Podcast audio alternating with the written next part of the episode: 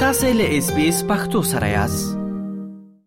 د اس بي اس رادیو د پښتو خبرونه محترم اوریدونکو وخت مو په خیر رحیم الدین اوریا خیل یم له افغانستان نه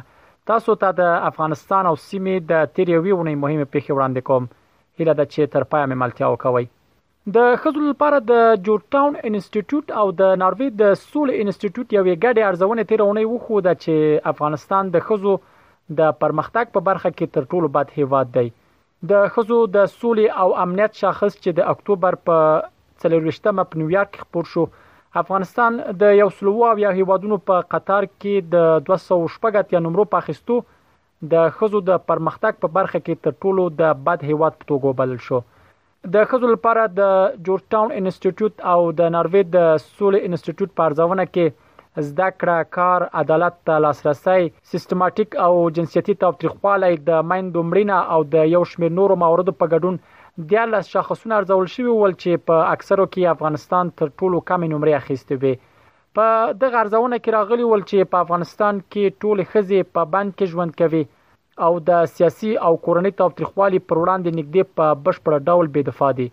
د ښځو د سولې او امنیت په دې شاخص کې دنمارک لومړی سویټزرلینډ دویم او سویډن د ښځو د پرمختګ په برخه کې دریم مقام ګټلی و په دغه ارزونه کې د ښځو د پرمختګ په برخه کې بیا د افغانستان په ګډون یمن مرکزی افریقا د کانګو جمهوریت سودان سوريه، سوماليا او عراق بيا تر ټولو بد هېوادونو کې راغلي ول. د يادونې وړ ده چې د طالبانو سرپرست حکومت رسماً د دغه ارزونې په اړه کوم څه ونه ويل، خو تر دې وړاندې يې ويلي ول چې په افغانستان کې د ټولو ښځو حقونه خوندي دي.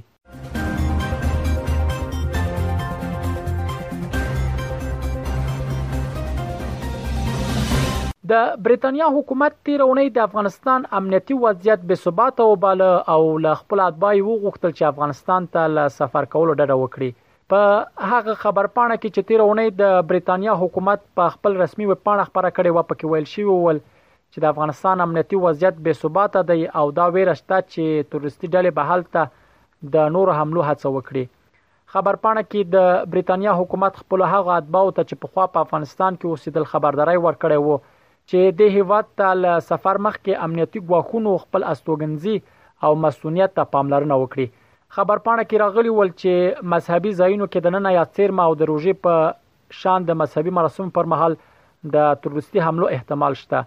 د بریتانیا حکومت همدارز ویلي ول چې په افغانستان کې د بریتانوي وګړو د نیول کېدو خطر شته او دا امکان هم شته چې بریتانیا حکومت له دې ډول پیښو څخه خبر نشي د یادونه ده چې له دې وړاندې هم ځینو نورو هیوادونو دغه ډول اندېښنې خودلې وي او له خپل اتباعو افغانستان ته د نه سفر کولو غوښتنه کړې و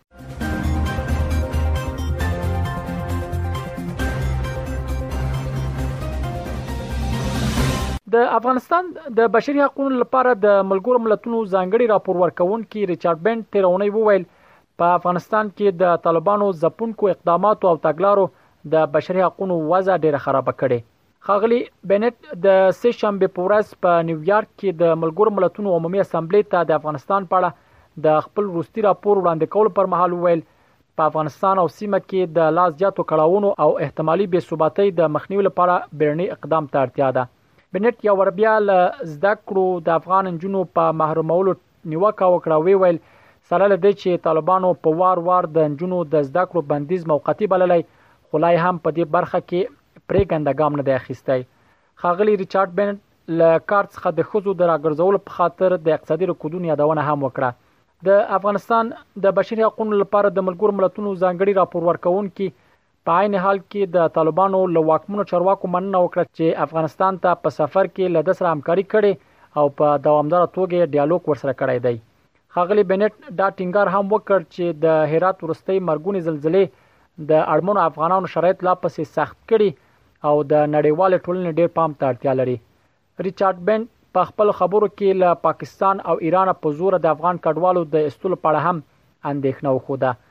د یادونې ده چې طالبانو د ریچارډ بنټ د تازه راپور او څرګندونو په اړه تازه څه ونه ویل، خو له دې وړاندې د هغه او نورو بشري حقونو مدافعینو دغه ډول څرګندونې رد کړي.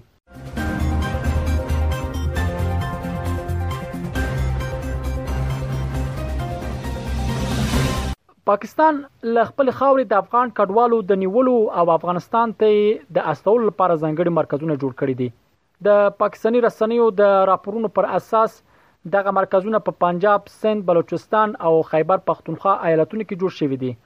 د پاکستاني رسنیو پر راپورونو کې راغلي ول چې په پنجاب او سند ایالتونو کې نیول کېدونکي افغانان به راولپنډۍ او کراچۍ ښارونو کې جوړ شویو مرکزونو ته انتقال شي او له هغه ځایه به افغانستان ته ولېږدول شي. د پاکستاني رسنیو د راپورونو پر اساس په خیبر پښتونخوا کې چې له نورو ایالتونو هلته ډیر افغانان ژوند کوي او ډیورند کرښې ته څیرمه پروت دی دوه مرکزونه او په بلوچستان کې درې ځانګړي مرکزونه جوړ شوي دي د راپورونو پر بنسټ د دې پلان لمخې پاکستانی حکومت خپل سیمایزو پولیسو او مسولانو ته واک ورکړی چې ټول غیر قانوني کډوال نیول ورسته همدې مرکزونو ته انتقال کړي او له هغه ځای افغانستان ته ولېږي د یادونې ده چې پاکستاني حکومت د اکتوبر په لومړیو کې وویل چې په دغه هیواد کې یو اعشاریه اوه میلیونه غیر قانوني افغان کډوال اوسي او هغوی ته د همدې روانې میاشتې تر پایه وخت ورکوي چې له پاکستان څخه ووځي، ګڼې نیول کېږي او په زور ایستل کېږي. د پاکستان دغه پرېکړه د ملګرو ملتونو کارپوهانو، بشري سازمانونو او د طالبانو سرپرست حکومت ناعادلانه او د کډوالۍ له کانوانسیونونو سره په ټکر کې بللې ده.